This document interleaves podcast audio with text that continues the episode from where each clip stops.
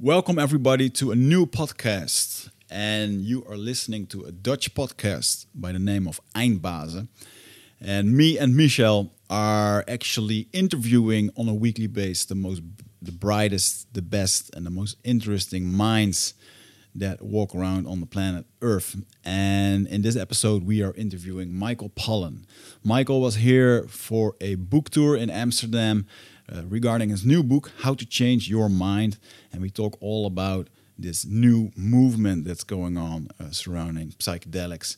Uh, he's done a lot of research. He went into the rabbit hole himself using psychedelics, and we talk about his experiences, our experiences, all the research that has been done about it. And um, for the for the psychedelic fans, uh, maybe you're new to it, maybe you're experienced with it, you will love this podcast. Before we go to the podcast, first some sponsor messages. This podcast is sponsored by Synthesis. Synthesis is a Dutch organization that provides personal transformation retreats for forward thinking individuals who want to utilize psychedelics in a modern, legal, and medically supervised context. I actually know the founders of this organization. I actually spoke with them on an event in the Hoxton in Amsterdam called The Future of Psychedelics. Uh, we had a great evening, and uh, I know these guys for for a longer period of time. And normally I would be very cautious uh, with these kind of advertisement partners because we are well aware um, that we might um, introduce you to something that can change your life uh, for the better. Um, but also, uh, you know, psychedelics are not for everyone. Um, so I've thought about this a lot, and I spoke a lot with the, with the guys for, from Synthesis. And I truly believe that if I would recommend somebody in the Netherlands for the psychedelic experience, this would be the organization. Um, the way they work is as following. So they offer three-day psilocybin experiences. This allows you to work on personal goals, uh, to further develop your educational framework on the use of psychedelics. And what they basically offer is a workshop where they provide provide a safe, intentional, and expert guided setting where you can have your next breakthrough in your own self understanding. Um, you can heal all traumas, whatever you're looking for. And um, uh, you know, we, we talk a lot about psychedelics in our podcast, and uh, a few. it's not only the experience itself. Um, there, there's more to it, and uh, one of the the main pros that I think uh, synthesis is offering is the, there are three phases of working, three phases of working. The first phase is the preparation part. Now, no matter what your intention is, maybe you're there for your creativity on a personal level, maybe you're working your personal development, or maybe you're just looking for that mystical experience. Um, it's all possible. And you will have a one on one conversation with your lead facilitator to help you clarify your intentions, uh, see what your emotional status is, what your medical history is, and you know it's it's all about getting you comfortable in into the psychedelic experience. Obviously the experience itself is the second phase. And this is where you will consume uh, psilocybin truffles um, with the right do dose for you um, fully prepared and in a perfectly optimized setting where uh, with the use of music and silence and you can explore yourself um, both in inner and outer worlds. And uh, the good thing here is that there will always be facilitators uh, who can support you throughout the experience uh, to aid you whatever you need, providing care and, and support. And uh, very good to know here is that a medical nurse or a doctor is always on duty in case of emergency. The experience itself, well, it's always a big question mark what it's going to be for you. Uh, but I hope it will give you a lot of healing for whatever you're looking for. Uh, but it, one of the, the most overlooked parts here is the integration part, which is uh, the, the, third phase. And they will help you integrate um, all the visions, all the feelings, all the thoughts that you had.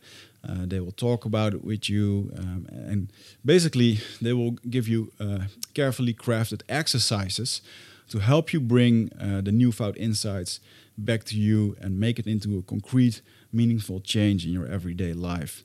So, uh, what they want is to prevent that you will walk out with a lot of question marks um, uh, and basically you know, uh, it's good to talk with people who have actually guided hundreds of people in this process. So definitely check them out at synthesisretreat.com. And also, this podcast is sponsored by Nutrofit. Nutrofit.nl is the web shop of me and Michel, uh, the host of this podcast, the hosts of this podcast, I have to say. And uh, you can find all kind of nootropic brands there, like Onnit, Bulletproof, Natural Stacks.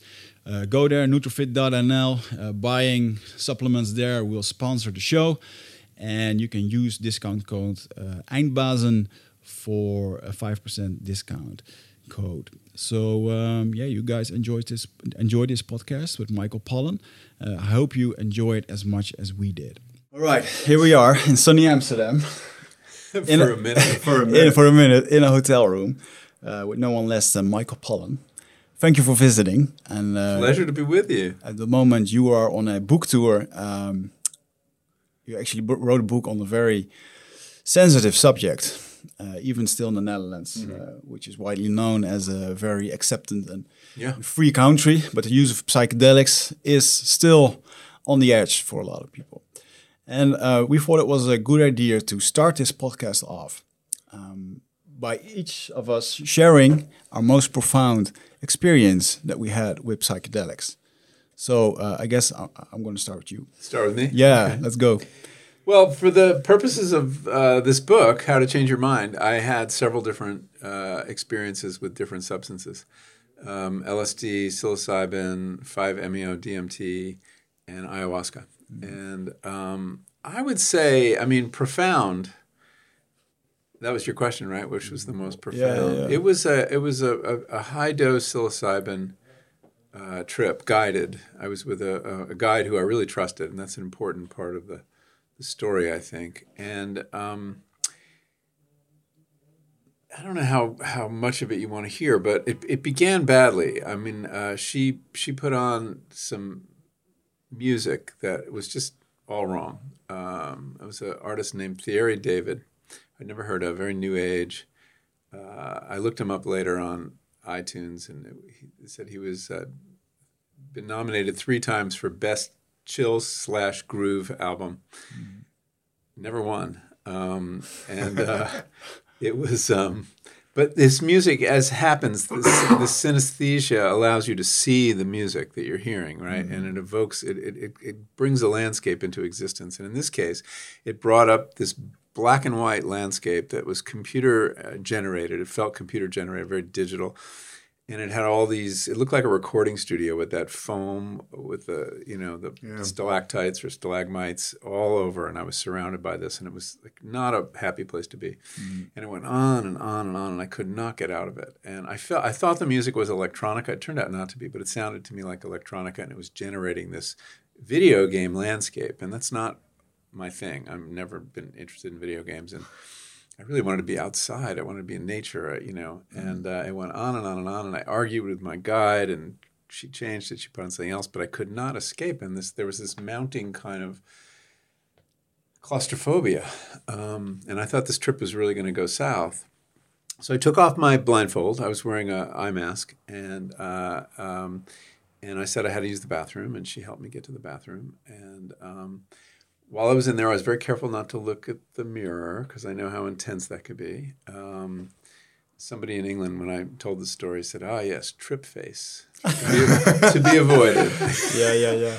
and um, uh, and I um, uh, I peed and produced this spectacular crop of diamonds. I, I thought it was just incredible. I, I, was just so happy to be outside of the yeah. computer world and, and, and getting light and reality or whatever paths for reality. And uh, and then when I went back to, she asked me if I wanted uh, to, a booster, and I said yes. And um, she was squatting next to me, and she had been transformed. When I look at her, she had been. She's a she's a very Nordic-looking woman with long blonde hair and high cheekbones, and suddenly she was a Mazatec Indian from Mexico with black hair and leathery brown skin and, and leathery brown hands and wearing a white peasant dress. And she was sitting there offering me this mushroom. And I knew exactly who it was. It was Maria Sabina. Mm-hmm. the woman, the Mazatec Indian, who had given the first ayahuasca, uh, I'm sorry, psilocybin trip to a Westerner in 1955.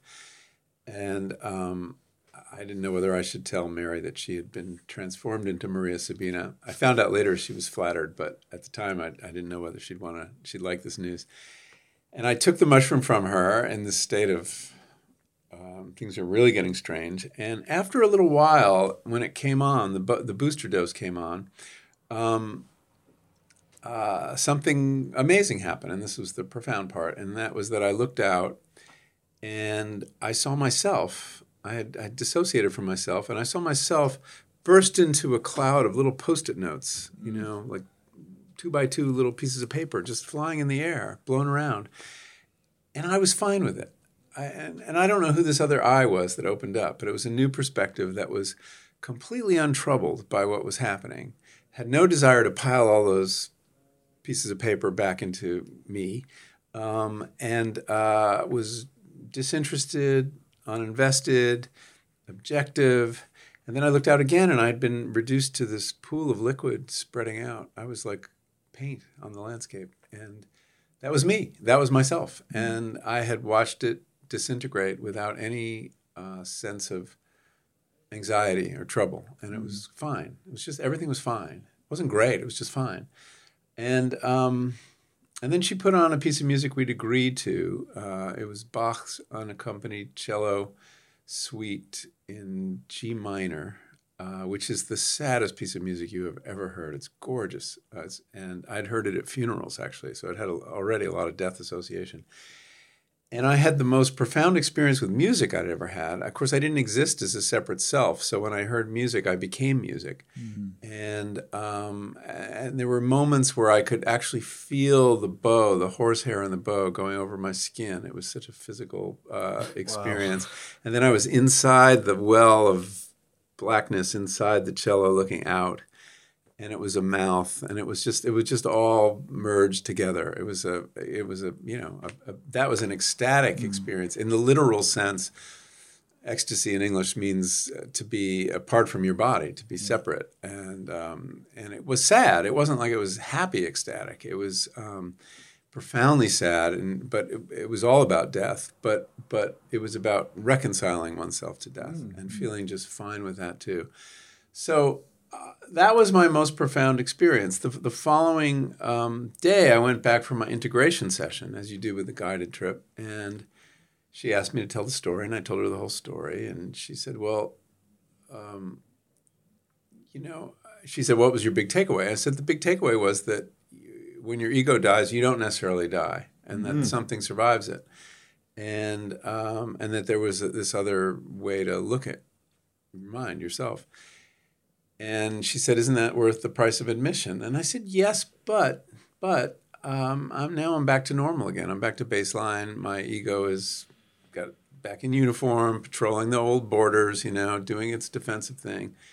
So what good is it? What good is that experience? Because it's temporary." And she said, "Well, you've now that you've sampled that kind of way of being, a different way of being that's less defended, more open." Mm uh, more objective, uh, you can cultivate it. Yeah. And and that's been the challenge ever since. How do you cultivate it? And her suggestion was meditation. Oh, yeah. And meditation is a way to reconnect to those modes of consciousness. I think we can, with work, get ourselves back into that head. And and uh, and I and I have found that it that experience made me a much better meditator. I kind of have a sense of what I'm trying to do when I'm meditating. Yeah. I know we're not supposed to strive when we meditate, but hmm. we do. Um, so I would say I would put that down as my most profound uh, experience and the one that probably changed me the most. Powerful. Yeah. So now your turn. All right. Yeah. You, you go, go ahead, man. Oh. Hmm? Oh. Yeah. Yeah. All right. Uh, first experience uh, that I had with ayahuasca was about five years ago. I got really interested in it, and I uh, actually went just went to Brazil to train for a month Brazilian Jiu Jitsu, and I I found out about ayahuasca because on the Joe Rogan podcast, I heard Aubrey Marcus talking about it, and I was fascinated by it. Also fascinated by the people who were talking about it because these guys were way other than uh, the spiritual practitioners that I had in mind. Mm-hmm. And um, um, there's no hippie bullshit in that, and I really dig that. And at the time, I was very materialistic. Uh, everything was about making money and being successful, and um, and I was definitely interested in this whole shaman thing and uh, the magic of it, especially with the ayahuasca. Uh, in in Brazil, for some reason, I didn't have the courage to go into it. Um, so when I got back home, there was a Peruvian shaman uh, traveling through Europe doing a ceremony. Uh, so I attended, and uh, I remember sitting So there here in- here in the Netherlands. Yeah. So I remember sitting there, and uh, there were like 25 other people, and I was very, um, well, and I, I had an opinion about everyone at the time. Uh, basically, what I was thinking there was like, what are all these fucking hippies doing here? You know, and everybody will. And then we had to do the the intentional round where you uh, where you share your intention. And I heard people talking about, oh, I want to have better connection with myself. I want to feel the real love, and my, my you know want to connect with my inner child. And I was like, man, what do I got myself into? Because I actually got there uh, figuring out the name of my new company.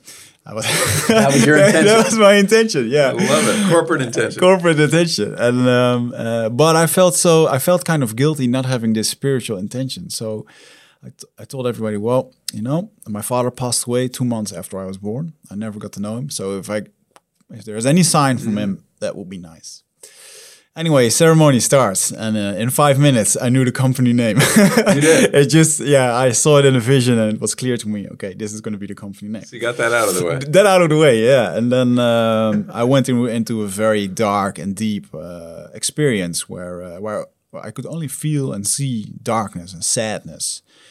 And I started crying. I think I, tried, I cried for three hours uh, straight. Uh, but I noticed that when I made myself uh, angry from the inside and uh, I wanted to get rid of the sadness, the darkness kind of faded away into a more light kind of thing. And um, so I started being really angry, angry about everything what was there, and and it really got rid of me. And at one point, um, I opened my eyes and I saw myself as a baby.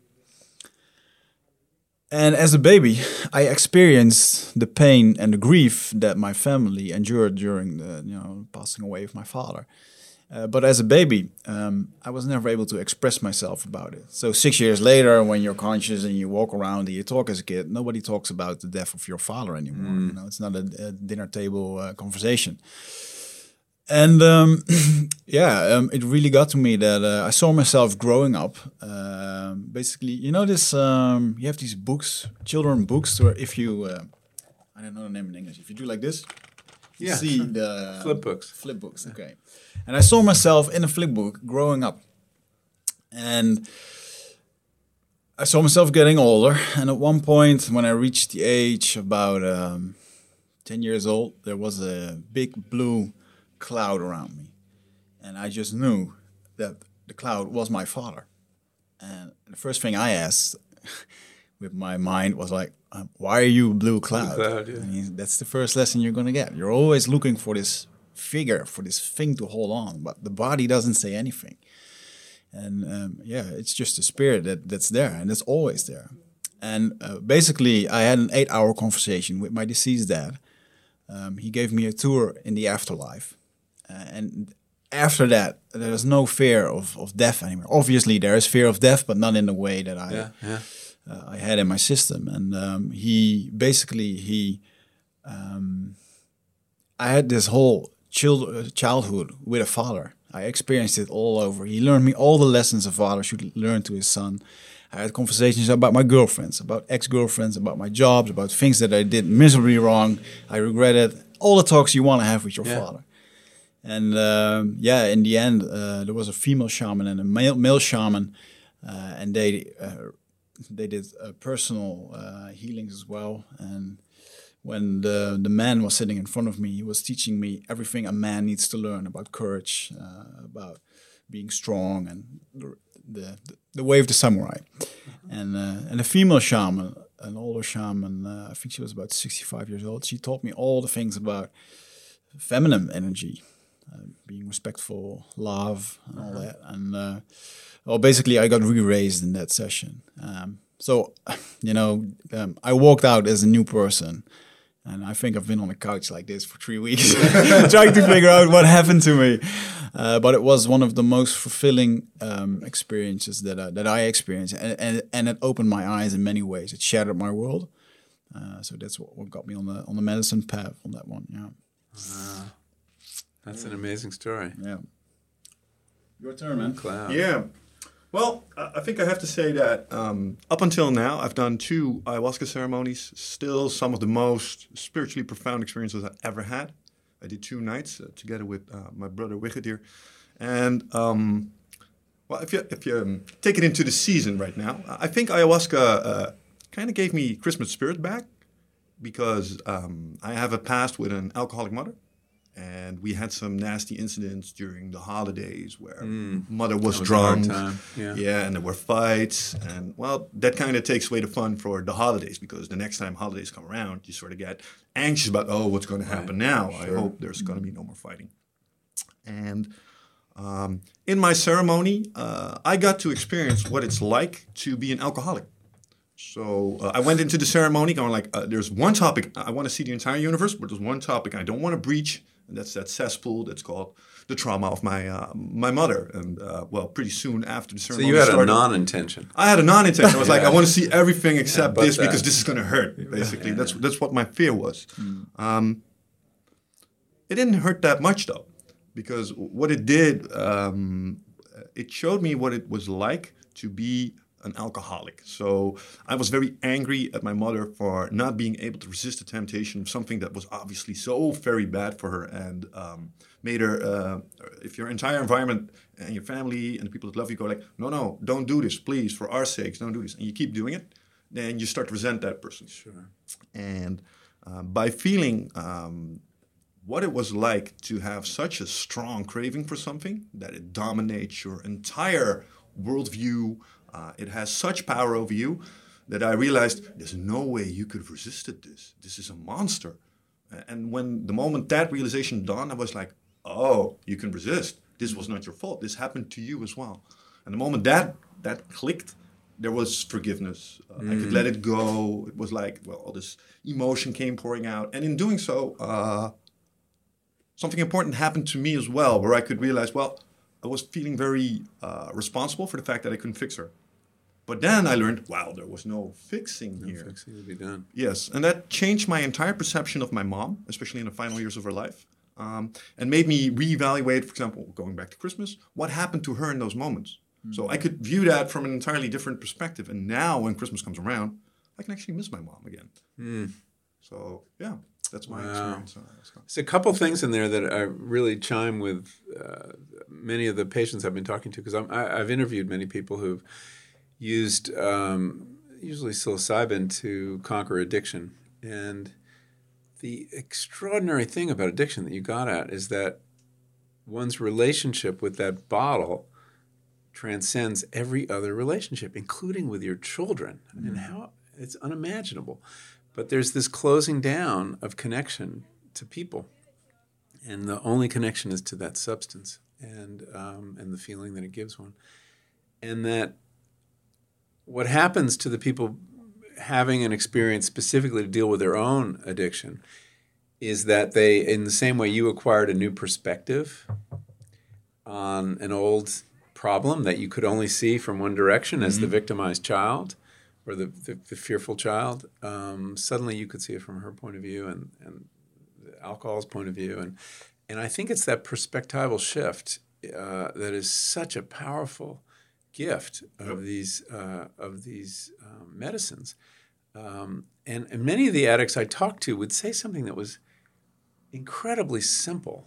Uh, I remember talking to this one woman who um, was was uh, in a trial at uh, Johns Hopkins University to conquer her um, addiction to cigarettes. She's a lifelong spoke, uh, smoker, Irish woman, sixty-ish. She um, had. Uh, uh, and she had this amazing trip, and she said she uh, she described sprouting wings and, and flying through all of European history and, and visiting all these great scenes. And then she saw her she died three times, and she saw her smoke rise from a funeral pyre in the Ganges, and um, and uh, she said, and there was the world was so amazing, and there were so many amazing things to see and do that smoking just seemed kind of stupid. Shortening your life. Why would you want to shorten your life when there's all this out there? And that banal insight allowed her to stop smoking. And so again, she acquired a perspective. But it's not just the perspective, which someone could have told you all that, and someone could have told her smoking is really stupid and it's going to shorten your life. It's the authority that the psychedelic gives the insight. And that's a mystery, I think. Um, William James, writing about mystical experience, um, which is the best kind of analog in psychology we have for what happens in these experiences, um, listed the qualities of mystical experience, and it has ego dissolution and merging and transcendence of time and space. But one of the more interesting qualities is what he called the noetic quality. This idea that this is not just an opinion or an insight, this is a revealed truth. And that what you learn is sticky in a way that it would never be otherwise. And, um, and it may have to do with the condition your brain is in when you're having that insight and it gets stored in a really you know powerful way or the fact that the distinction between being subjective and objective falls away. Mm-hmm. So you're less likely to take that insight and say that's just my opinion. That's just my idea. That's how i felt mm-hmm. then but it's objectively true it's like tablets you know stone tablets Maybe it's like the fact that it's undeniable now all of a sudden. yeah, yeah. But what makes it undeniable? That's the that's the thing. I mean, maybe that you had it under the influence of this drug in this context with a shaman and everything, and that uh, that's giving authority too, in the same way that what somebody in a white coat with a stethoscope tells us has authority. Um, but this is a deep personal authority. Yeah, uh, that's why I wanted to start off with these experiences because whether I really had that conversation with my deceased father is debatable. Yeah. Uh, for me. So uh, what do you? Uh, so afterward, what do you think? I mean, well, I think it was real, and uh, I mean, right now, uh, uh, you know, I am on the path of uh, of shamanism and plant medicines and getting more into it. Um, for me, it was definitely real, and uh, it, it gave me so much that I, I can't even think. And just what you said, it's the authority, the the the, um, the power of, the power of the of the plant that uh, that tells you something.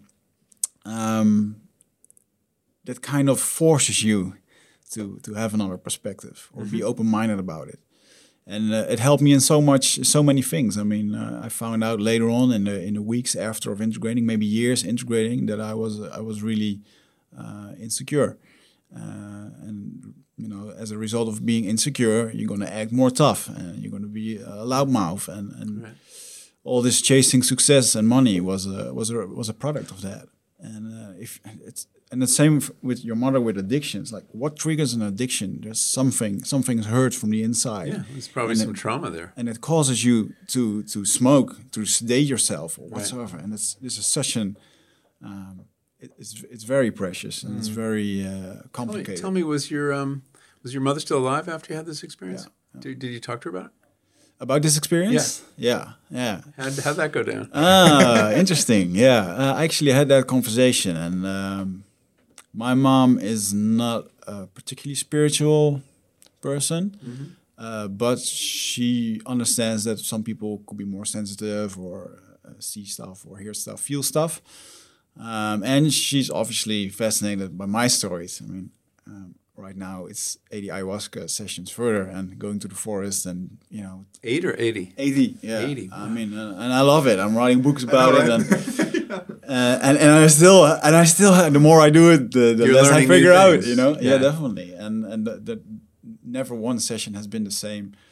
Uh, but actually talking to her, um, I was very aware of what she was doing. And I was talking to her and it was this, she was silent. She was very listening to what I was telling. And, and I saw her fingers going away, the way like, like I was definitely touching a subject.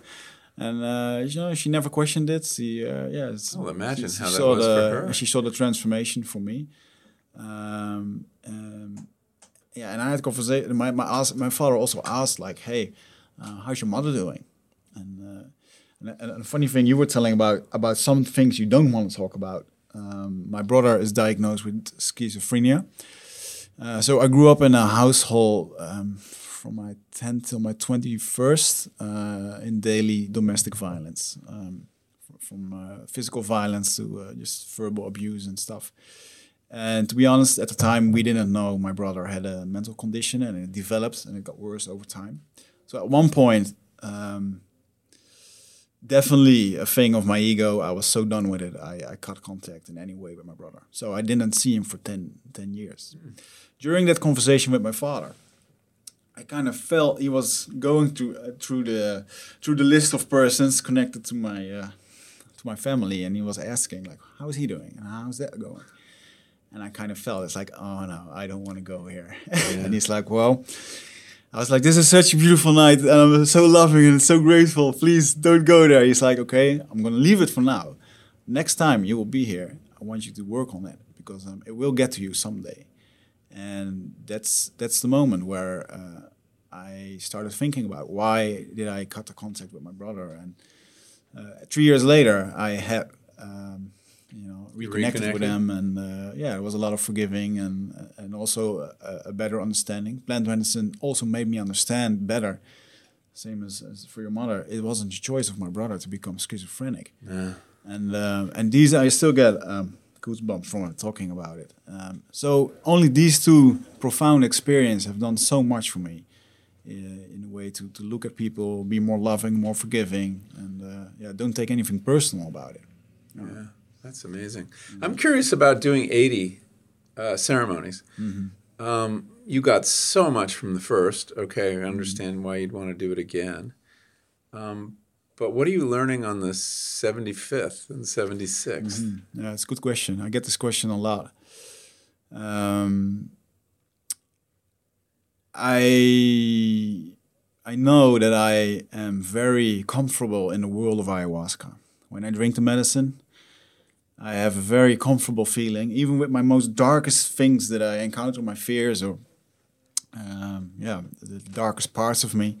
I'm very comfortable in, You know in, the in facing them. I know the territory. I feel uh, I can move around. I don't. I'm not um, out of this world for uh, for a long time, and um, that's also what got me on the path of shamanism. Uh, and uh, right now, I'm being an apprentice of of a, of a tribe leader in the in the Amazon. Uh, did a dieta there, spending in uh, spending 40 days in in, in yeah in solitary, uh, doing the dieta and drinking a lot of the medicine and it made me so much aware about everything in uh, in my body, in my mind, about other people, how I look at the world, and and so yeah, it's ever evolving. And I also found out that um, in every stage there are new things to learn. For example, I just became a father.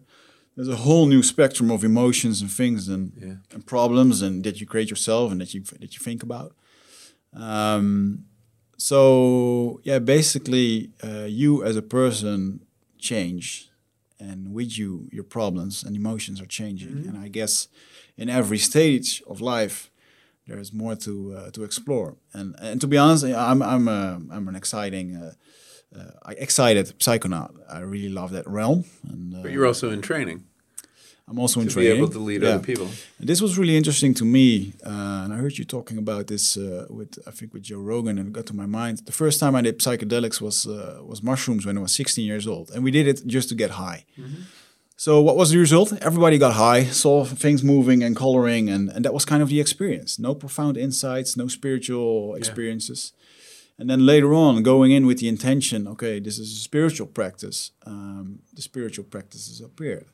And later on, Intentions, everything. yeah, and later on, um, uh, being an apprentice of the shaman, uh, I remember my first ceremony with him. Uh, I was an assistant, and I actually told him, like, listen, I'm kind of nervous because what do I know? I mean, you've been drinking this since you were two years old, three times a week sometimes, and you're you're 50 years old. Yeah. That's thousands of sessions, and he's like, don't worry, the medicine will take care of it. And the moment um, it started, the medicine didn't treat me as a patient, but uh, as someone who is uh, helping other people with it. So, uh, and then at that point, the, the, the medicine is actually guiding you uh, to work with people, what to do, um, and and it's it's spot on every time. That's uh, that's fascinating. I love So it. So the focus now is different. It's on the people around you. Yeah, you still get your own personal healings about it, and and I also found that other people can definitely mirror you. Yeah. and uh, so that's yeah I, I truly believe that other people and the, in the process um, heal you in a way as well. That's why I think sharing after ceremonies is such an important thing. You can learn so much from it, from these insights. Yeah, Fascinating. yeah, it's really special. Did it did it change your own um, spirituality in that sense? I heard you say uh, on another podcast, a bit loaded term maybe, but spiritually retarded. Has that in any way changed after doing these investigations? um, yeah, I mean, it changed my understanding of what spirituality was. I think I had a misunderstanding of what spirituality was. I had I went I had always assumed that spiritual was a synonym for um, supernatural, and the people who were spiritual believed in uh, in supernatural things, an afterlife, um, uh, an underworld, uh, a spirit realm, all these kind of things. And I didn't. Uh, that seemed very far from my understanding of the world, which was very kind of straight ahead philosophical materialist that everything could be explained according to the laws of nature that we knew uh, or ones we would discover. And um, so I was allergic to spirituality in, the, in that sense. Um, when I had this experience, the one I'm explaining and some of the others, I had another psilocybin experience that was very much about nature and, and about the natural world and, and getting a very powerful sense that the plants um, had their own kind of consciousness that were they had their own subjectivity their agency. They were actors on on us as well as us on them. They weren't mere objects. Um, and this powerful sense of connection with plants which i had always had intellectually i've written a lot about plants and i have an enormous respect for their intelligence i really do believe they have intelligence not not in the way we do but they have the same kind of problem solving ability that they can deal with the challenges life throws at them in, in a creative way. I get the sense they're moving at another pace. Well, like they're in uh, slow motion, and we're re- just really. I think that's true. I think, by. and that's why when you ever see, uh, you know, great time lapse photography of plants, you you develop a much greater respect for their. I mean, watch a bean do its thing and figure out how to find the light and how to, you know, get it, get climb and all this kind of stuff. Yeah. So I've I, I've had that as an intellectual understanding, but I never really felt it at a deep emotional level, and I did on this experience. And then I had other experiences where I felt this, just this dam break of, of love for people in my life, for my especially for my um, my wife and my son, and um, and I came to understand that spirituality really is about those connections, about those connections getting very strong, about opening to this flow uh, from other beings, whether they're people or nature or the universe and that I had misunderstood spirituality, and that what keeps us from feeling that way all the time is our defenses, our ego defenses, and that we build these walls to protect us from strong feelings, from our sense of oneness with nature. Being able to objectify the other is very powerful. You know, mm-hmm. you become very successful as whether you're a corporate executive or a farmer. I mean, if you just kind of treat nature as an object that you can exploit, that gives you a certain power. Ditto with other people. Um, and um, so our egos are very interested in objectifying everything but us. And maybe we'll let in the circle of our loved ones, but everybody else is just, you know, a means to an end. And the ego is, is very tough that way. Yeah. And so it's really when you let go of the ego that you have this connection. And I came to understand spirituality is the opposite of spiritual is not supernatural or is not or is not material. The opposite of spirituality is egotistical. And to the extent you're egotistical, you're not spiritual. And to the extent you can let that go and open up those valves, as uh, Aldous Huxley called them, that is what spiritual experience is. Yeah. So for me, it's still not a supernatural thing in any way, um, but I have a new understanding of it, and and I owe that to these experiences, um, especially with psilocybin. Yeah. Um, so I so I feel more spiritually developed. It's that's my own definition of spirituality. It's not going to be everybody's. I think s- some people for for whom spirituality is, you know, I mean, in your case, you you communicated with someone who's not alive, and and that's spiritual experience for you. Yeah. I haven't had that. I mean, I, people have been very present to me who weren't alive, but I, I, I had no reason to believe that they weren't um, projections of my own mind. It's funny. Uh, my dad died in January, and um, and his sickness was a real background to the writing of this book in a way. My interest in how people who are dying think about death. And this, the volunteers I talked to who'd had these experiences um, was very much a substitute for a conversation I couldn't really have with my dad, who I, I still don't know how he processed uh, his imminent death. Yeah. Uh, he was in denial a lot of the time. He was he had some dementia, so he was forgetting it. You know, we he'd have to be reminded sometimes that he was dying. Um, so that conversation never happened, but I was able to have it with other people. But anyway, I, I've been very curious to know. I haven't had another experience since I published the book, uh, or even since I finished writing it, pretty much, whether he would figure in the next experience, which I think he he might well. And I and I, and part of me is eager for that to keep his memory really alive and fresh, Yeah. and part of me is terrified of that. Um, so, you know, that's I mean, you you're talking about how you're always changing, and and the and the experience, the journeys you have will reflect where you are in your life. And I'm in a different place now with the loss of my dad, and I have no doubt that it would play some role in the Well, next. I'm just wondering, what would be journey. terrifying about it? I don't know. Good question. I don't know why I felt that way. Um, but uh, an encounter with the dead has Yes, has, has terror has some terror attached. You're going to learn something about death.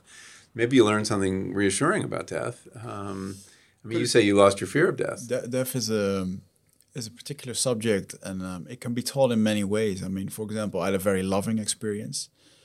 Uh, I know from another example from a woman who died three times during that night. She experienced the same death as her daughter, in order to um, to understand it better and to uh, to know Her what- daughter had died. her daughter had died, and she died her death three times uh, in order to, uh, yeah, understand it and and make peace with it. And uh, yeah, it's it's a it's a weird way of teaching, you would think, but Yeah, it's a way. painful way of teaching, but it is a way of teaching. When on the topic of death, if, if you look at um, when you're investigating this, what is it exactly that the psychedelics conquer um, in these patients that are end of life? So I have um, ayahuasca helped me with my fear of death as well. Uh, but before that, I remember nights where I was laying awake at night. One day I'm going to die. One day this is just going to stop, and I'm going to be lying in this bed. Something's going to happen. I'm not going, and it's just the end of it. And I feared that moment uh, because it would mean the end of me.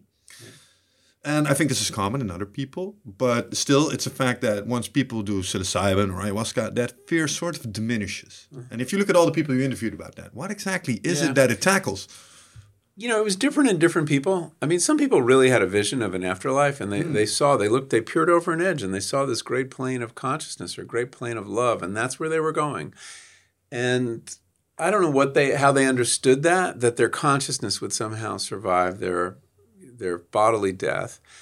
Others had um, a very kind of weirdly naturalistic idea. I remember this one woman was describing her trip, and she was one of the cancer patients, and she um, was traveling underground, and she um, very freely through the ground. She was dematerialized in some way, and she hit a wall, and that wall was a crematorium, and she realized she was dying. She was dead, but she didn't feel dead. She didn't feel pain or anything. She wasn't burning up, but she was, and and then she felt herself disintegrate and and and be taken up by the plants.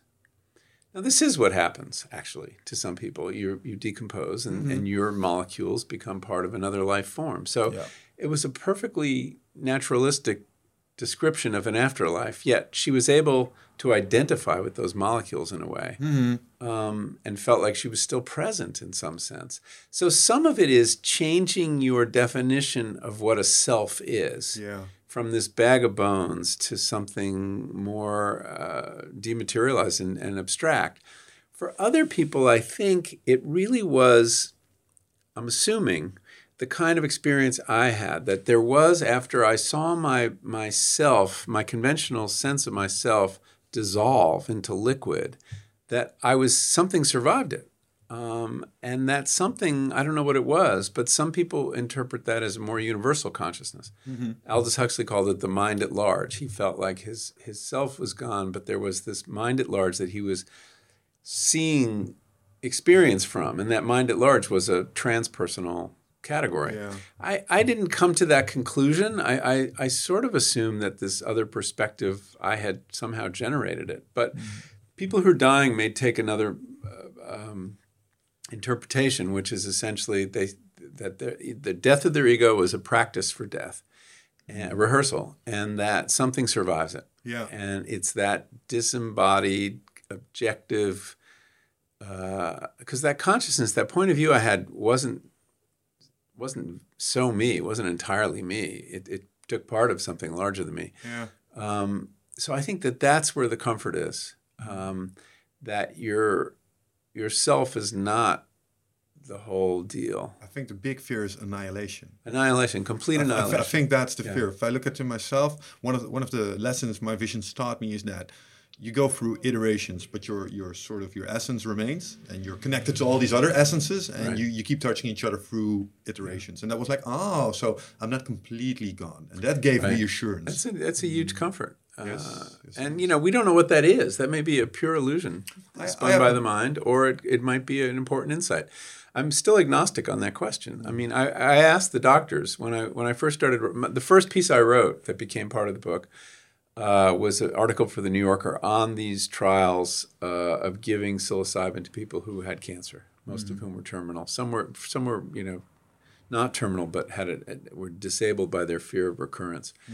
Um, and I would ask the doctors uh, when I talked to these people, and they had this new confidence that something would survive their death, and that they'd taken enormous comfort. I said, "Aren't you concerned that maybe you're just feeding people delusions?"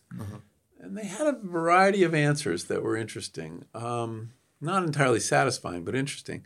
Uh, I remember one saying, "Well, that's beyond my pay grade. I mean, we don't know what happens after you die. Who am I to say? You know, these are and these are their. This is their conclusions. We haven't given them, and it's true. The drug doesn't contain a conclusion about anything. Yeah. As you know, it's a unspecific mental amplifier, um, or whatever it is. And um, and others said, and and someone else said, um, I don't care if this allows people to die uh, with equanimity, surrounded by their loved ones.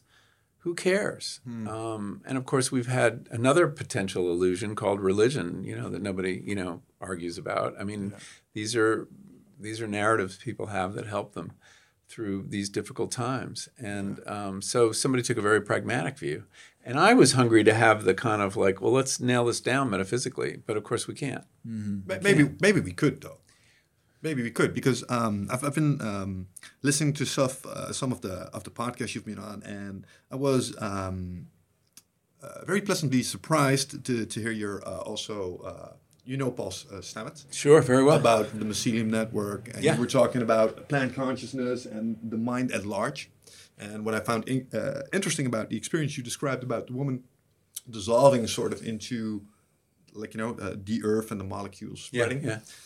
I was wondering if how you feel about the following, um, like plant consciousness and human consciousness, um, and the spiritual insight that you had that we're just a part of a bigger connection, and our ego are just the walls between these connections.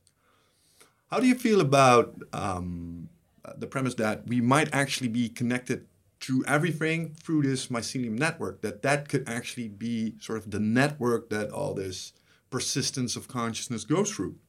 Because if you look at a human body, um, I forgot the title of the book, but it was, I think it was like 10%. It basically describes how you as a human are influenced by well, a whole lot of things like bacteria, Microbiome, fungi, uh, parasites, Right. stuff like that, which could all explain certain behaviors, which is all linked into Right. the bigger network where food comes from and stuff like that. Yeah. So that might be something that could actually explain the bigger connections in our little mental walls. The ego are just illusions, but if you look at it from a bigger distance, it's kind of hard not to see it as Yeah. a bigger picture. Well, I mean, I think it's it, it's true that we are part of this network, and the idea that we're separate beings is an, is the delusion. I mean, we we depend on we we have no existence individually. We we cannot survive alone for very long, um, and that without the um, without the plants that we depend on for food, and without the bacteria we depend on to to um, adjust our our body chemistry and run our immune system, um, we don't we don't survive. So the idea that we're part of a larger um, network of forces is we know that's scientifically true. How that involves consciousness, though, which is really what you're talking about, and communication, information, is what we don't know. Um, we don't know if information has an independent existence in the world outside of us, and, and I think that's kind of the big question. Um, are- you know, is is consciousness uh, a, a product of brains, um, pure and simple, um, or is it um, a property of the universe? Um, that is, you know, there's some physicists who believe that any complex enough system will acquire consciousness, and um, that it's just a matter of uh, it, it arises, it's emergent with a certain level of complexity. Um, when I say plants are conscious or mycelium are conscious, I, I don't mean it in, I think, as most people understand the word consciousness. Um, and the word is, ha- you have to be careful with the word because it can mean something, at least in English, as simple as to be aware of your environment. Um, as a plant is. A plant knows whether the sun is shining on it or whether it's a pest is chewing on its leaf or whether it's getting water from its roots. It's, it's, it's taking in information in a way and processing it and then acting accordingly. Uh, it has some memory. We, we, there's some st- amazing studies that suggest that plants have some memory too. Um, but that, but when we think of consciousness as a human experience, we're thinking more about self-consciousness. That the, the, the fact that we can be aware that we're aware, the fact that there's a particular quality to the experience of being you um, that is uh, very real to you and not very real to anybody else. Um, so, and science hasn't penetrated that mystery at all. Um, you know, there's a famous essay by Thomas Nagel, "What is it like to be a bat?" If it's like anything to be a bat, in other words, if there's any quality to bat experience, the bat has consciousness. What is it like to be a plant? Is the next and harder question, and I don't know how to answer that um, because the plant world is just and the and the mycelial world is just you know the animal world we can kind of infer things from right? I mean we, we see how they react to pain and and you know stimulus positive or negative. Plants it's a lot harder. Um, uh, to know how they're dealing with us or anything else so so i guess i just don't have enough to go on there i i, I i'm respectful of the mystery and less arrogant that I, you know, that science can answer this. I mean, the more I, I I'm a science journalist, and um, and one of the and this book stays as close as it can to science for most of its length. One of the reasons I didn't explore, for example, the the shamanic side of psychedelics, except in a very brief way, uh, or microdosing, is that in both cases. Um, I wanted to be able to point to science to bring a certain kind of reader along who is really allergic to mysticism and and, uh, and these kind of questions and and and because I was too at the beginning, but um, so I, I don't know that how we can be definitive about that. And when Paul Stamets, who uh, you know I think is a brilliant and visionary person, says that um, you know mycelium are uh, bringing us a message from nature. I don't know exactly how to interpret that. I don't know what that means exactly. I mean, is it how metaphorical is that, Me or how literal is that, and, Yeah. or that there? I mean, you know, and his idea that there that you know there's an internet underground. In a sense, there is because there is this communi- that there stuff is being communicated, goods are being traded, nutrients are being traded around. That the forest is a lot more networked than we thought, and that's kind of amazing. Um, and that an idea when he first articulated that, when I first heard it, I thought was just a, a, a nice conceit, a poetic conceit. But in fact, it's more literally true than I thought. Um, so you know, I try to keep my mind open. Um, some people push back on the book. Uh, you know, how to change your mind. I got much less pushback than I ever expected. I mean, I was worried about legal pushback. I was worried about, you know, from the psychiatric community. I was, I mean, all. I just thought I was going to get a world of shit for this book, and I didn't. I mean, that was kind of amazing. But I did get some pushback from an unexpected quarter, which is people who believe in transpersonal consciousness, and many people in the psychedelic community come out of their experiences convinced that consciousness is outside us and we tune it in or you know and um, I entertain that idea. I don't really have anything definitive, but I, I tend my prejudice tends to be that no consciousness. The simplest explanation is our brains produce it, even though we have no idea how that happens. Um, and science is pretty far from understanding that.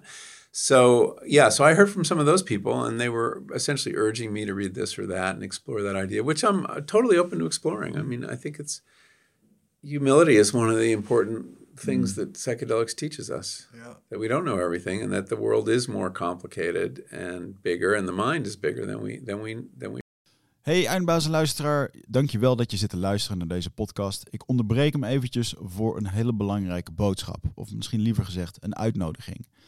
Want op 24, 25 en 26 mei, dan is er weer een nieuwe editie van Rite of Passage. Dat is mijn retreat voor persoonlijke ontwikkeling. En speciaal voor de mensen die op zoek zijn naar, ja, naar helderheid. Of dat ze lastig bij hun gevoel kunnen komen. Dat ze moeilijke beslissingen moeten maken. En dat ze zo ontzettend in hun hoofd zitten ja, dat ze er eigenlijk gewoon niet meer goed uitkomen. Of dat ze misschien al heel lang in een, ja, een soort van oud gevoel zitten. Dat ze dat gevoel willen transformeren. Of misschien wil je gewoon een oud stuk achter je laten. Ergens een punt achter zetten. En ja, zoek je misschien heling op iets wat, wat je te lang hebt weggeduwd of, of hebt vermeden. En daarvoor wil ik je uitnodigen op 24, 25 en 26 mei om in een retreat mee te doen waar de inhoud van het programma geheim is. Waar de belofte is dat het oncomfortabel wordt. Want jij begrijpt als geen ander dat als je die volgende stap wilt maken, ja, dan zul je uit de comfortzone moeten komen. En ik garandeer je, laat mij dat proces begeleiden met jou voor drie dagen. En je leven zal daarna nooit meer hetzelfde zijn. Gemiddeld beoordelen de deelnemers het met een 9,2. En daar ben ik ontzettend trots op. Er is ook een money back guarantee. Heb je de drie dagen vol, volbracht en vind je het niks, krijg je gewoon je geld terug. Dus het enige risico wat er is, is dat je gelukkiger kan worden. Ik zie je Bride of Passage. Ga naar wichertmeerman.nl en klik op retreat. Appreciate. Yeah. I've, I've, I've asked this question a lot of times during my uh, ayahuasca sessions to get an answer to this. Like, how does it all work? And many times I got the same Please, answer. after 80, tell us. we have another four hours. I brought my notebook. Now, a few times I actually I had a few funny experiences. One was uh, like we. Uh, it's unexplainable. Your your brain wouldn't even even able to fit it in to Yeah. understand it. Well, that theory that that the human brain is not capable of understanding Yeah. the human brain makes a certain intuitive sense.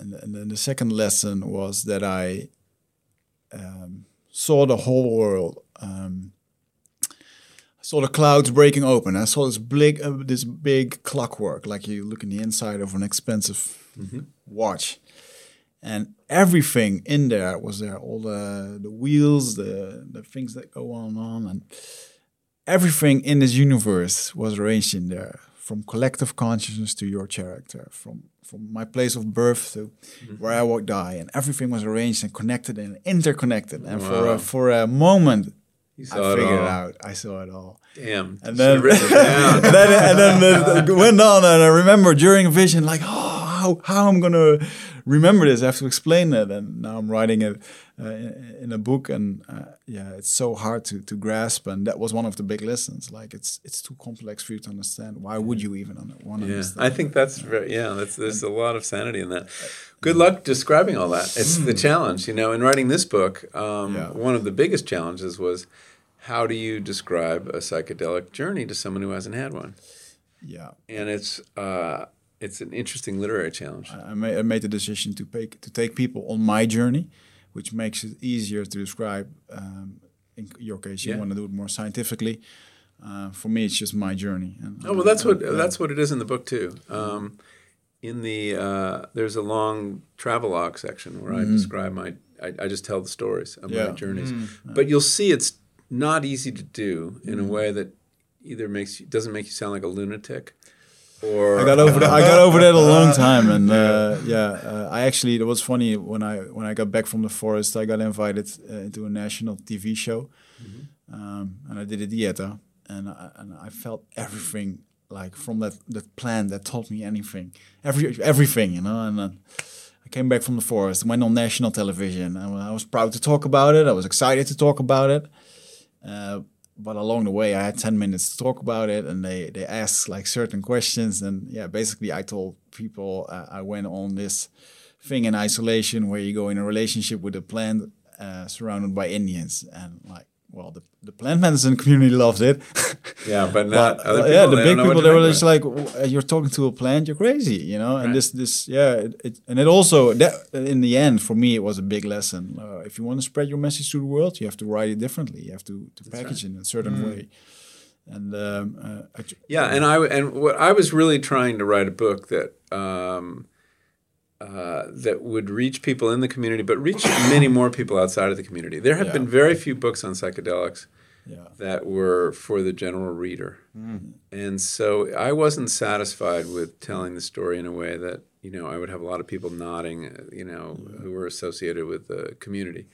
Um, I was happy to, ha- you know, since I, I've had a lot less experience than a lot of people in the community, I was very happy that those people have wanted to read the book. But I've been more gratified to know that I've reached people who have no experience of, of these medicines and now are very curious. And then I've reached all the people, all the parents of the people who like to do psychedelics, who's, Ah, yeah, who, yeah. it's, it's a way f- for for the children, the psy- the psychonaut children, to explain to their parents what they've been up to. Well, I'm- I'm happy you explained the, that the part about why you didn't dive into the shamanism because that was definitely something that I missed in, in Yeah. your book. Um, I also saw. I'm ano- very curious about it, and I've talked. I've been. I've. I've Yeah. definitely explored ayahuasca. Um, I mean, I've. I've been in a couple circles, and um, and want to look at it more deeply. But I also. I barely described those trips, even though they were really interesting. I just felt like uh, the book didn't need another trip. Um, It's just my sense of pace as a writer, and but I there were some powerful images that came out of the uh, ayahuasca trips. You will you will dive into the mystics of things though if you go into the indigenous communities Yeah. and uh, because for uh, for And I didn't travel to South America or anything for the Yeah, for, book. for example, like if, if you talk about consciousness outside of us, like every tribe has its own vision about it and, and plant stalking. And I remember, for example, asking the tribe leader about uh, cannabis. They were smoking it a lot. And he told me, like, well, you have to smoke this for five to 10 years, multiple times a day, and it will get you, it will get you a relationship with the plant that makes you more sensitive and it will guide you in order to heal somebody else if he's, if he's ill. Um, and one of the most interesting things now having this conversation it kind of lands that I had to drink a lot of ayahuasca in order to make a better connection with another plant. So yeah, that's interesting. going into this dieta with the intention to connect with one plant, and we were talking about con- the intention, like uh, why are you going to do this? Then you f- kind of find out that they, you know, they have all these different plants that can teach you different stuff, and um, and many we haven't heard of, right? I mean, Yeah, I know yeah. I have a I have a student who's doing a dieta, and he was he was doing like uh, a tree in Berkeley. I forget what it was, a cypress or something. That Yeah. his uh, that he was you know having this ongoing you Yeah. know relationship with, and um, they're not all psychoactive, as you know. Definitely And I not, think no. that's really interesting. it's but they all have a different. different Yeah, it's even interesting like how my diet started. I just uh, I asked him like, "How do you want me to start a diet?" He's like, "Pick a leaf, rub it all over your body." I was like, I was disappointed. That was it. And you chose the leaf. no, he didn't. He did. He did. Yeah, a leaf from a plant, and uh, and and um, there I was in the middle of the jungle talking to a plant, introducing myself, asking for help. That was that was the assignment. And then I walked back to him. He's like, "Okay, you know, your diet has started," and I couldn't believe it. And, and, and yeah, it definitely started. And you know, it's it's a long story on itself. But um, the the way, the saying that they always have, like, why did you get this information? Well, the plants taught us, and his vision is like, well, the plants were way long before than than any of us, so they know everything. All the technologies in there, and yeah, that's something. Uh, I, lo- I love the mystic about it as well. I lo- yeah, I think it's a fascinating subject. Something I find mysterious about it is that, and perhaps you can share some insight on this, is that um, we spoke uh, through the podcast. We share our experiences. A lot of people come back with experiences. I've listened to my fair share of podcasts about the topic, and one thing I notice is that there seems to be a similarity across experiences. So if you go to the ayahuasca universe, there's a lot of people that report uh, octopods, for example, snake-like figures, Yes. and the jaguar is a Yeah. theme, anaconda is a theme. And and I was always wondering. Um, where do you think that comes from? Is that like a, a bias? For example, I heard him talk about, and now I take this into my experience. But at the same time, I've had experiences that I never heard about, uh, that I started Googling after my first ceremony, and Right. lo and behold, I'm not the only Very one. common, there are more yeah. people that had this. Yeah. So I think that's a fascinating question. I mean, some of it is power of suggestion. I mean, these are incredibly suggestible drugs. Um, so, for example, uh, among the academic researchers in America, the about three quarters of people have a mystical experience that they would use that word to describe, and it matches the standard of what a mystical experience is. In England, they don't have mystical experiences the same way. So why should that be? Why should there be a difference? Well, the American researchers tend to be more spiritual. Um, the man who really started it, the Renaissance in America, Roland Griffith, who I profile at length in the book, he he got interested in psychedelics because he had had a mystical experience in his Hindu Hindu meditation. Um, so that's his orientation, and he is somehow communicating that to people. It's reflected in the playlist. The music that they play has a has a kind of spiritual cast to it. There's a lot of choral music, and um, I mean, I listened to it when I was writing the book, and it was like, yeah, this is kind of priming someone for a, a spiritual experience. In England, they're a little more allergic to that vocabulary, and so they talk about ego dissolution instead of mystical experience. I would argue those are just different words for the same phenomenon. That when you experience ego dissolution, what follows is the kind of merging I described, which you can interpret as a mystical experience very easily. Um, all the aspects of the myster- mystical experience could follow theoretically from uh, a loss of ego. Now, ego dissolution just sounds more scientific to us. You know, it's Freudian vocabulary that we're in the West we're more comfortable with. There's nothing wrong with the other vocabulary, but but people so so some of the imagery is a function of that. In the case of ayahuasca, I would add the fact that you uh, feel the medicine in your body in a way you don't with LSD or psilocybin. That you you have this sense of um, I didn't get sick, but I was I was highly aware that my body had been occupied by a medicine and it was disturbing it in some ways, and the the the twisting of your intestines and the twisting of a vine are very easy to kind of conflate. And and I did have imagery of vines. Um, and we know the ayahuasca, one of the one of the two plants is a vine, a liana, and um, so that's part of it. But then you get to something like DMT, where everybody sees these entities that are very specific. The, you know, the machine elves. Yeah. there. Now I haven't I haven't done that or uh, Have you been on the operation table? What? No, I haven't. Operated, operated by aliens? No, that hasn't happened yet, but it happens to a lot of people. Now, if you really want to test this, you've got to find a naive population, right, culturally, because they are looking at the entities. There is a study going on at Imperial College where they're giving people DMT to see what uh, the you know how common the imagery Fascinating. is. Ah, that's great. But they're all giving them to people in England who may have been exposed to this mythology that you see entities. My guess is before Terence McKenna started talking about entities, fewer people saw them, but I could be wrong. So there's a way to test this, though. You and maybe they're going to quiz people. Um, you don't want to say, "Have you heard about the entities?" But there's another question you could ask that would not plant the idea in their head.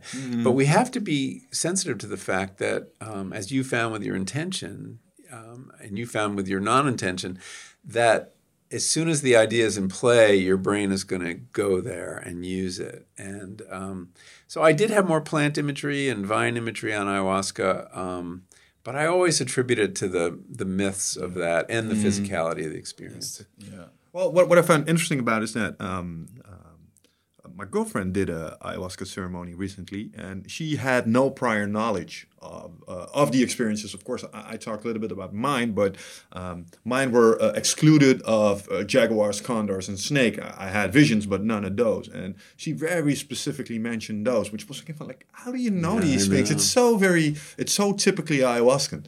So, But yeah. she knows it's from the Amazon, right? Maybe that's it. Yeah, sure. I mean, this stuff is in the air.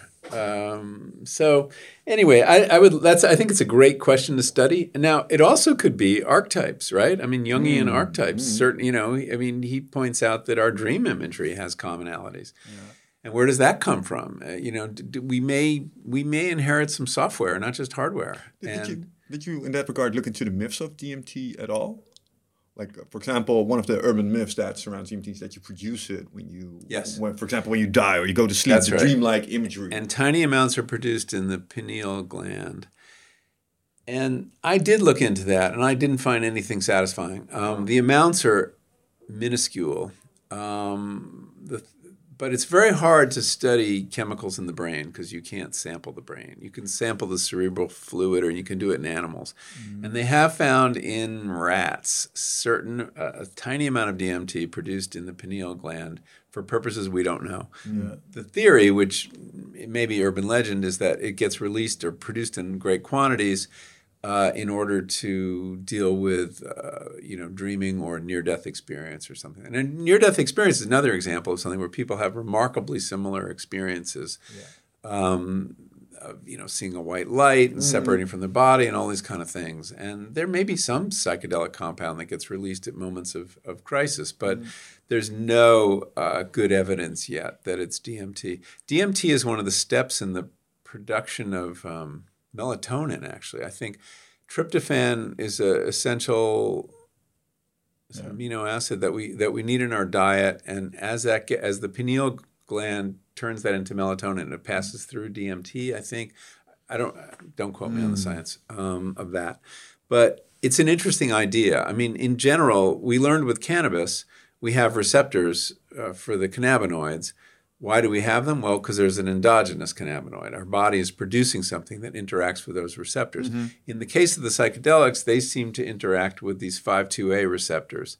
But we know the endo- endogenous uh, neurotransmitter is serotonin that mm. interacts with the same thing. So whether there's uh, an actual psychedelic in the brain remains to be seen. It's mm-hmm. a really mm-hmm. interesting question. Mm-hmm. So what do you think of the um, um, if if you go into dark for a long long time, like complete dark for a few days, your melatonin uh, production shuts down.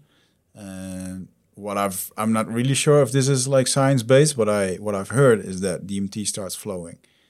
Um, that's where people get mystical experience. They mm. heard a word from God or whatsoever. It's it happened in many cultures. Uh, you have any opinion about that one? No, I never heard that. Oh. I'll look into it. Yeah, it's like well, and on the other thing I was thinking about, well, if you go into complete dark for a long while and uh, there's no uh, uh, no impulses from outside, your yeah, brain no starts sense. producing. You do, you do have psychedelic experience. I mean, the yeah. flotation tanks, yeah, right? Exactly. I mean, there's one right down the street. Yeah, here. yeah, yeah. And uh, I was actually curious to try it, and I don't have you know, because I'm should. spending my day with people like you. I haven't yeah, had a chance to try it. Uh, it's talking open, it's open until 10, doing. so you can go. Open until 10? Yeah, yeah, I'm speaking till 10.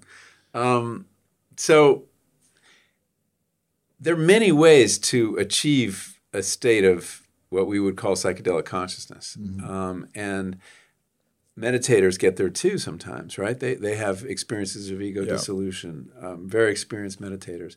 We now know that their brains in a scanner look very similar to psychedelic brains in a mm. scanner. In other words, the same brain network, the default mode network, which is really the home of s- the sense of self, is shut down or, or, or goes offline uh, on psychedelic experience. And also, experienced meditators, same exact thing happens.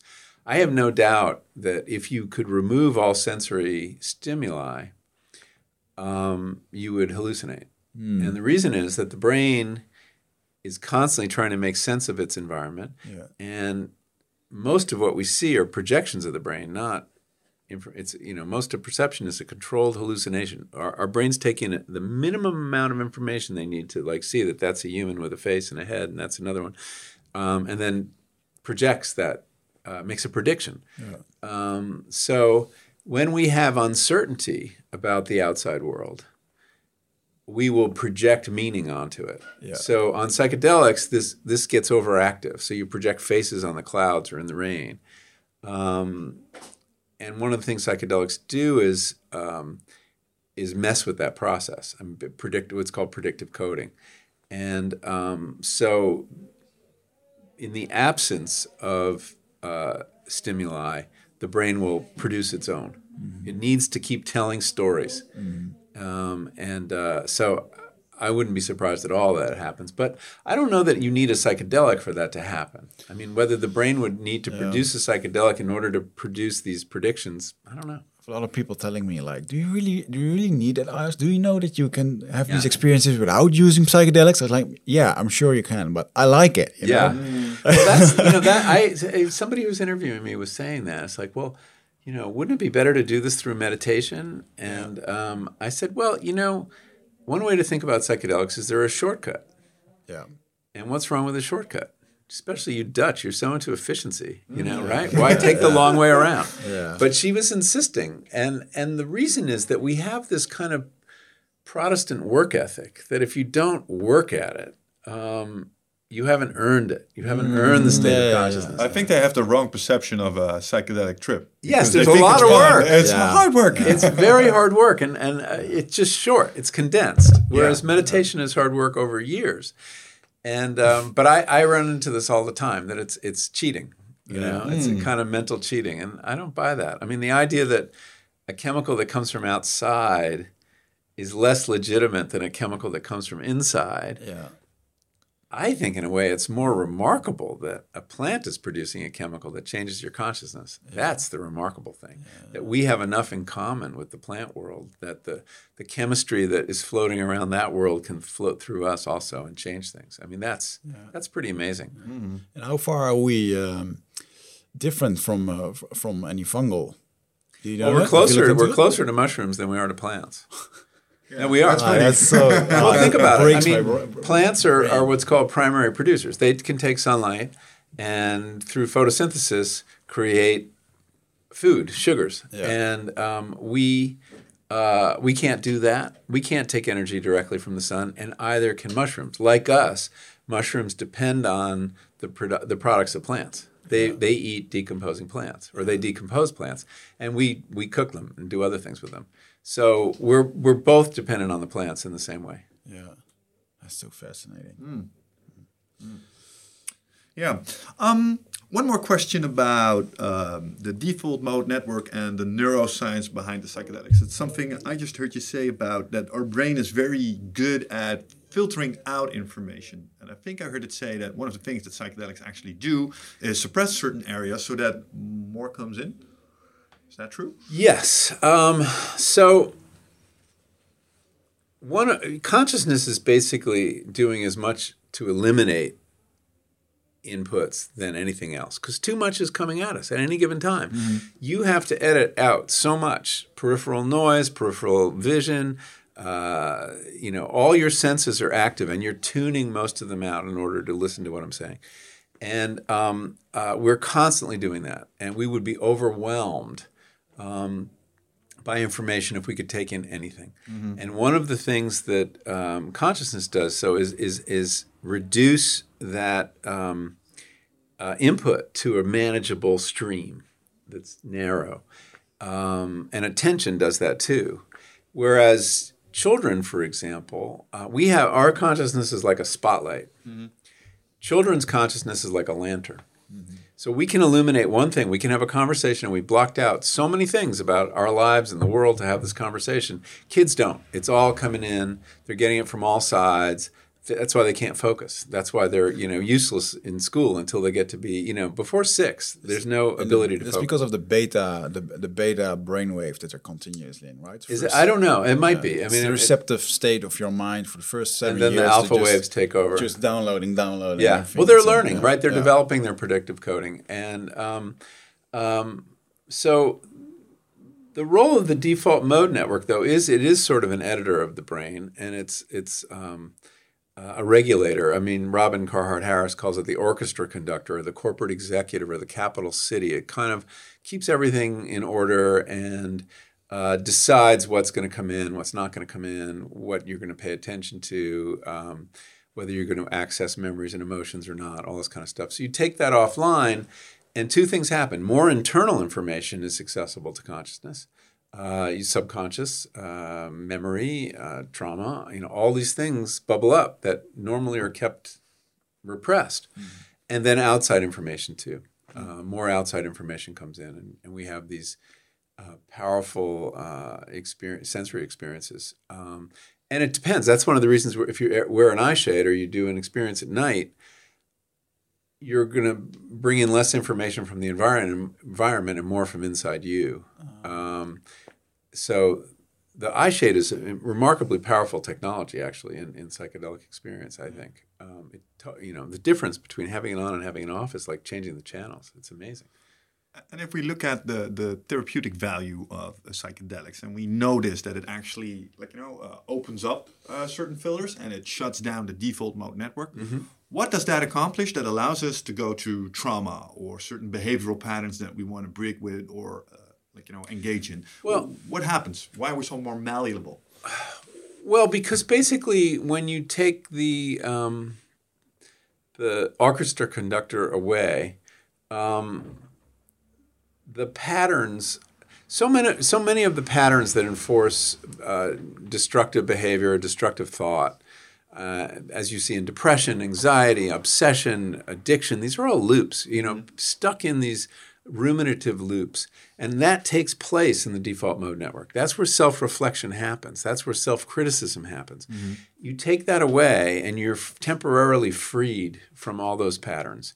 And that's when, because your brain is temporarily rewired, because all the other parts of the brain start talking to each other without going through the default mode network. You suddenly have direct communication between your visual cortex and your memory or your emotions. So you see things you fear or desire. And um, uh, that temporarily that temporary rewiring allows you to break those patterns.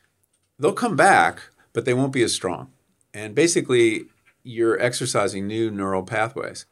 And that's why remembering your trips can be really useful because you're you're reinforcing those new networks. But basically, it's getting you out of your that that head, that ego-driven head of self-recrimination and and self-obsession and uh, and letting in the light and letting in the air, um, whether it's coming from deep within you or outside. Uh, and that seems to be what allows people. Now, these are theories. I mean, we don't we don't know exactly, but there's a plausible uh, connection between what's going on at the brain level and what's going on at the f- phenomenological level. Yeah, it- it sounds like you're more. Uh, it's more easy to make those paradigm shifts that we talked about uh, when we were talking about the experiences. That all of a sudden you can see it from the other one's perspective, and it's like, so Because we're, why we're yeah. trapped. We're trapped in a very narrow perspective. Yeah. Um, it's the one that you know we are the default we go to all the time, Yeah. and that default is in the default mode network. And um, giving that a rest. I mean, there's a lot of evidence that people with depression, for example, have overactive default mode networks. So they're they're they're they're they're uh, wandering in their minds, and they're you know you know how people who are depressed stop taking in information from the world, right? The, in the same way, the addict can't can't really take in um, information from the family, and it's it's limited to the bottle. So it's that shrinking of the world that happens when you're stuck in loops of uh, rumination that you break uh, by turning off the default mode network just for a while. Yeah. So the mind basically becomes an echo chamber, and what you do Yeah, is exactly. opening the You're- door, and you're that. bringing in fresh information, and that makes all the difference. Yeah, I, I can see how how that can help people. Um, at the same time, it's been an instrument that's kind of been stigmatized. There's not a lot of, uh, of therapeutic people that are openly talking about the fact that they use psychedelics. Why do you think that is? If it's obviously so powerful. Well, it's threatening too. Um, you know, it shakes things up. Um, it causes people to think for themselves. Um, Which is always dangerous, yes. Always dangerous. I mean, that's what happened in the '60s. You know, it became psychedelics became very threatening to people in power in the United States, especially. Um, Timothy Leary said, "Kids who take LSD will not fight your wars or jo- join your corporations." That was not an empty threat. It was true. They wouldn't. Um, it was an amazing thing that a government had a war that they wanted to send their 18-year-olds off to.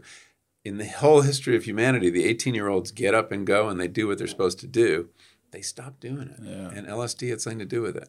And the reason was that um, it does make you uh, question whatever inherited hierarchies. You know, it's it's fundamentally an anti-hierarchical substance. I mean, all these psychedelics. Um, whether it, upsets hierarchies in the brain by by dethroning the default mode network, but it also conceivably makes you question hierarchies in your in your world. So that's part of it, and um, you know the government came down really hard on it. Plus, there were casualties. People were using the drugs in a very careless way. When LSD showed up in the West, it was just a molecule. It didn't come with rituals. Didn't come with shamans. It didn't come with a history, tradition. Um, and everybody was figuring out how to use it. And people were doing things they were putting in the punch and giving it to people who didn't know. I mean, can you imagine anything more cruel than to dose somebody without their knowledge? And um, so it was used in a very sloppy way. And yes, many people had profound experiences. Many people had really terrible experiences who weren't prepared. And um, as a result, you did have people, a, a, handful of suicides, you had people ending up in psych wards. Um, and these scare stories started getting around, and that led to a, a, a, backlash that lasted, you know, 30 years. But things are changing right now. I mean, it's I, I can testify based on the reception of this book that um, the mental health community is paying attention. They're really interested. Um, they're, I'm getting invited to talk to the American Psych, uh, Psychology Association, the, the, largest group of psychologists in America. Um, want a keynote address on this topic. I just did grand rounds at a, hosp- a psychiatric hospital. Mm. So things are changing. Uh, mental health care has very few tools to deal with. I mean, SSRIs really don't help a lot of people and uh, there hasn't been any innovation in mental health care in, in since the early 90s. Yeah. So there is a receptiveness that I did not expect to find. Um, and I would not be surprised if psychedelic therapy is uh, is an accepted part of medicine within the next few years. Yeah, I was surprised about the uh, success rate that we had with psychedelics. I thought it was with um, before it goes to trial in order to become a pre prescription drug it needs yeah. to go to all kinds of trials and i think they had a success rate of 80% which yeah. is on, on several of the high. trials yeah it's it's uh, it's it's so far i mean these are preliminary trials when they get bigger we'll see but yeah. the um, it's very impressive the effect size which is how they measure this mm. also it was off the charts for um, uh, dealing with depression and anxiety among the dying and the depression results were impressive too and uh, and the, the, smoking study was tiny, but really that mm-hmm. also had 75, 80 percent mm-hmm. success rate. We've never seen that with uh, addic- I mean, smoking addiction is a very hard one to break. Yeah, mm. What does a um, psychedelic therapy session? What does that look like? For example, I would subscribe to such a therapy. I want to think something about myself. Um, what, what, what kind of um, steps would I go through? What would that look like for me? Well, it depends. I mean, the way it's being used in these therapeutic trials, I'll lay it out for you uh, briefly. There are three steps. Um, you're working with two therapists usually. Um, one is preparation, where you explain. Many people haven't ever used a psychedelic. Uh, what's going to happen? Um, what to do if you if you if you see something scary? Um, they give you what are called flight instructions, yeah.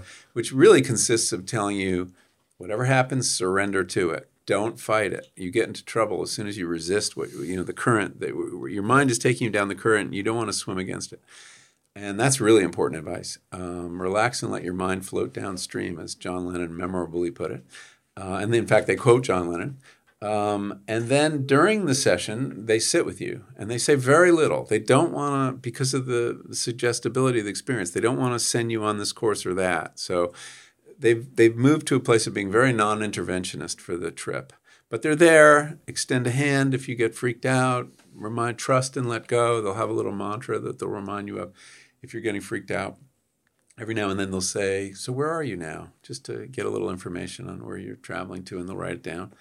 And they just sit there meditating for most of the time. It must be kind of a boring job. Yeah. And then uh, afterwards, uh, you come back and you do this integration session where you you tell the narrative that happened and and with the help of the therapist you try to make sense of it you try to uh, extract some lessons that you could apply to your life and and find meaning and connect what happened to your life story um, and that's basically it. There's another approach to psychedelic therapy that was very common in the 50s, and I hope someone tries to bring back, which is to use low doses of LSD or psilocybin in a um, talking therapy where you're sitting with your therapist talking, but you've been dosed beforehand, uh, not to the extent you couldn't talk, that you want to just close your eyes, but to just access, um, to make you more open. And this was um, called psycholytic therapy, and it was and it was done by psychiatrists in the 50s, and uh, apparently had some very good results because people were undefensive, very open, and uh, and they would speak more freely. And is that like a microdose kind of? It's more than a microdose because you feel it. Yeah. It's it's definitely more than a microdose. Yeah. It would be uh, in LSD. I think they'd give somewhere between fifty and eighty mics, mm. uh,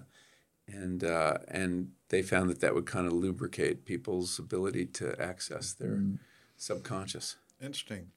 Uh, something you mentioned, um, uh, the final step in this uh, therapeutic approach would be the integration session. Yeah, very Um, important. something that, um, if I look at the underground scene in Holland, is usually missing Yeah. uh, in a big way because people go to uh, ayahuasca circles, they see the universe, and then they step Go into home. the car and go home. Yeah. And then they're sitting there with all these impressions and no one to talk to.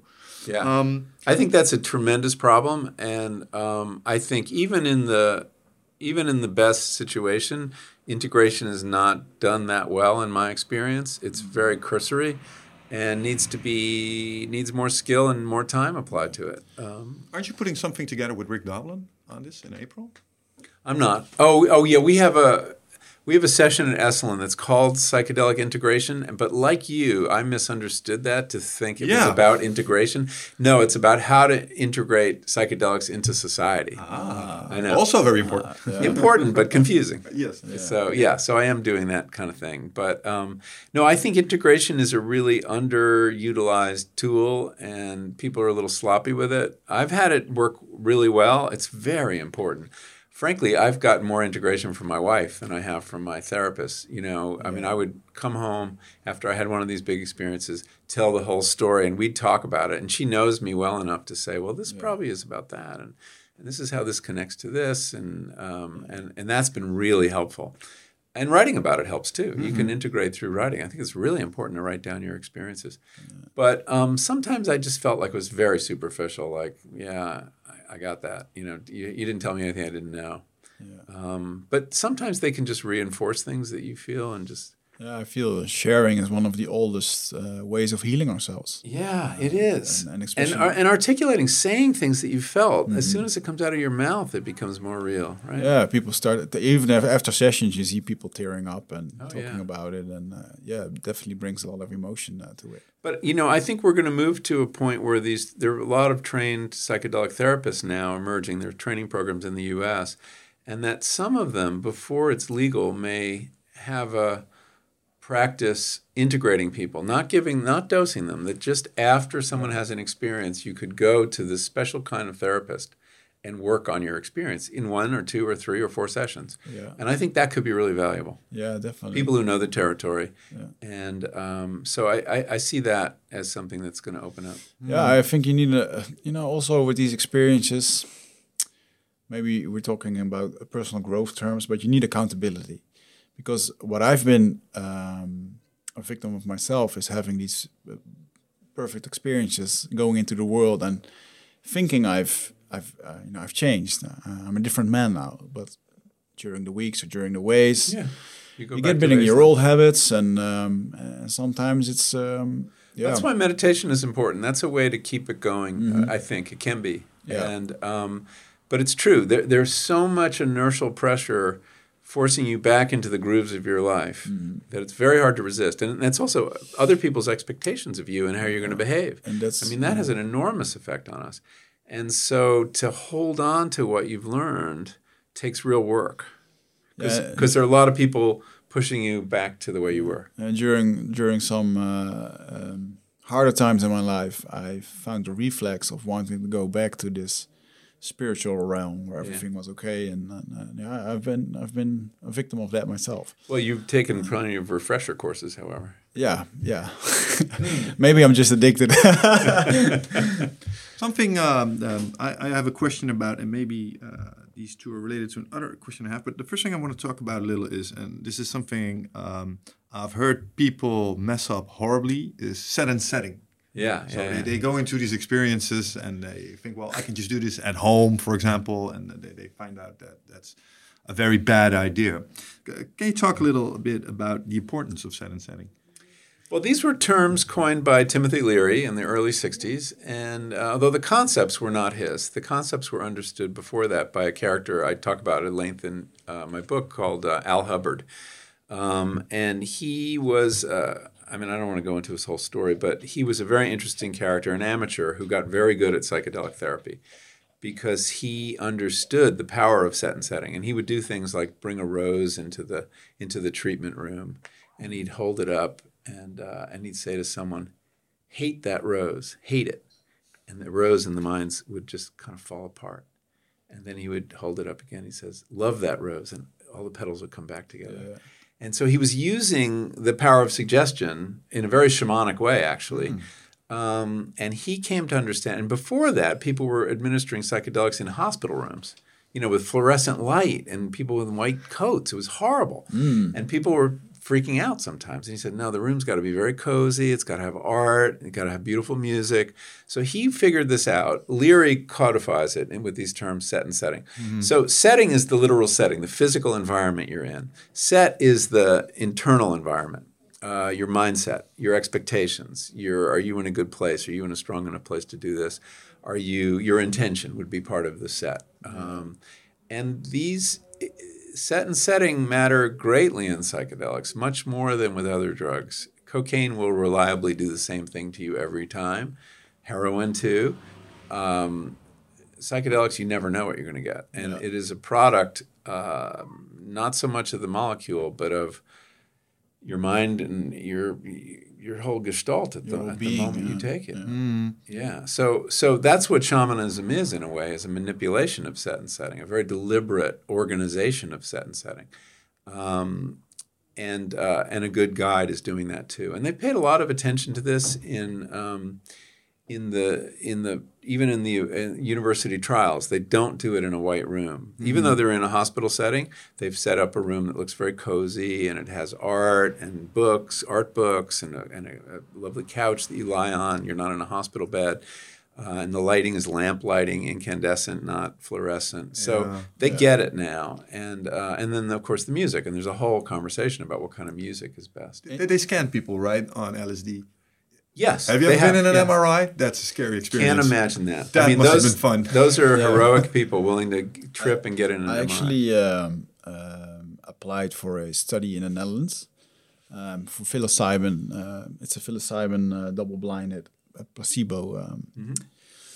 test, and I assigned for uh, going to an MRI uh, three times to um, Awesome. to do this and do tests afterwards and uh, see if. Uh, so I haven't been done in it? there. You no, haven't no, done it I've yet? applied to it, and uh, it's going to be really arranging. interesting. I mean, it's very important research, and I commend you for being willing to do it. I don't know if I. I mean, I just went in for a shoulder MRI Yeah. once. I was freaked out. It was out. actually funny. I That heard was intimidating. Yeah. I heard, Yeah. uh, you know that uh, Navy SEAL guy, David Goggins. I think he has a, a book called "Can't Hurt Me." I think he's probably one of the toughest guys alive.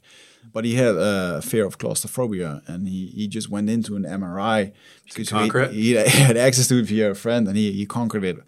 Uh, just going in, get me Wow. in the machine, and uh, Wow. yeah, Yeah. Uh, but I, yeah, I can imagine uh, doing psychedelics being strapped down as well, because I don't think the MRI uh, without any straps. No, they want they. Your head has to be very still. yeah, yeah, that's a thing. So they yeah. may put you in one of those braces. Could be. Well, that's okay. Well, talk about set and setting. That's probably going to influence your experience pretty Not a good way. Not a good way. So about the mu- you were talking about music, very important. Yeah. And I think in a shamanic way, the Icaros, the sacred songs that heal you, are, are very important. Have you have do you have any uh, insights uh, with your research about what music does to the brain while you're in a psychedelic state? Well, you know, my own experience in music was very profound, in you know, as I described at the beginning, and there was um, the wrong music was able to you know put me down a path I didn't want to go. What's striking about music is how concrete it becomes, and that it, I think it is one of the most powerful influences on the experience. Uh, because of synesthesia, um, if you have an input, and that's the only sensory input you're getting, pretty much, right? Because you're blindfolded.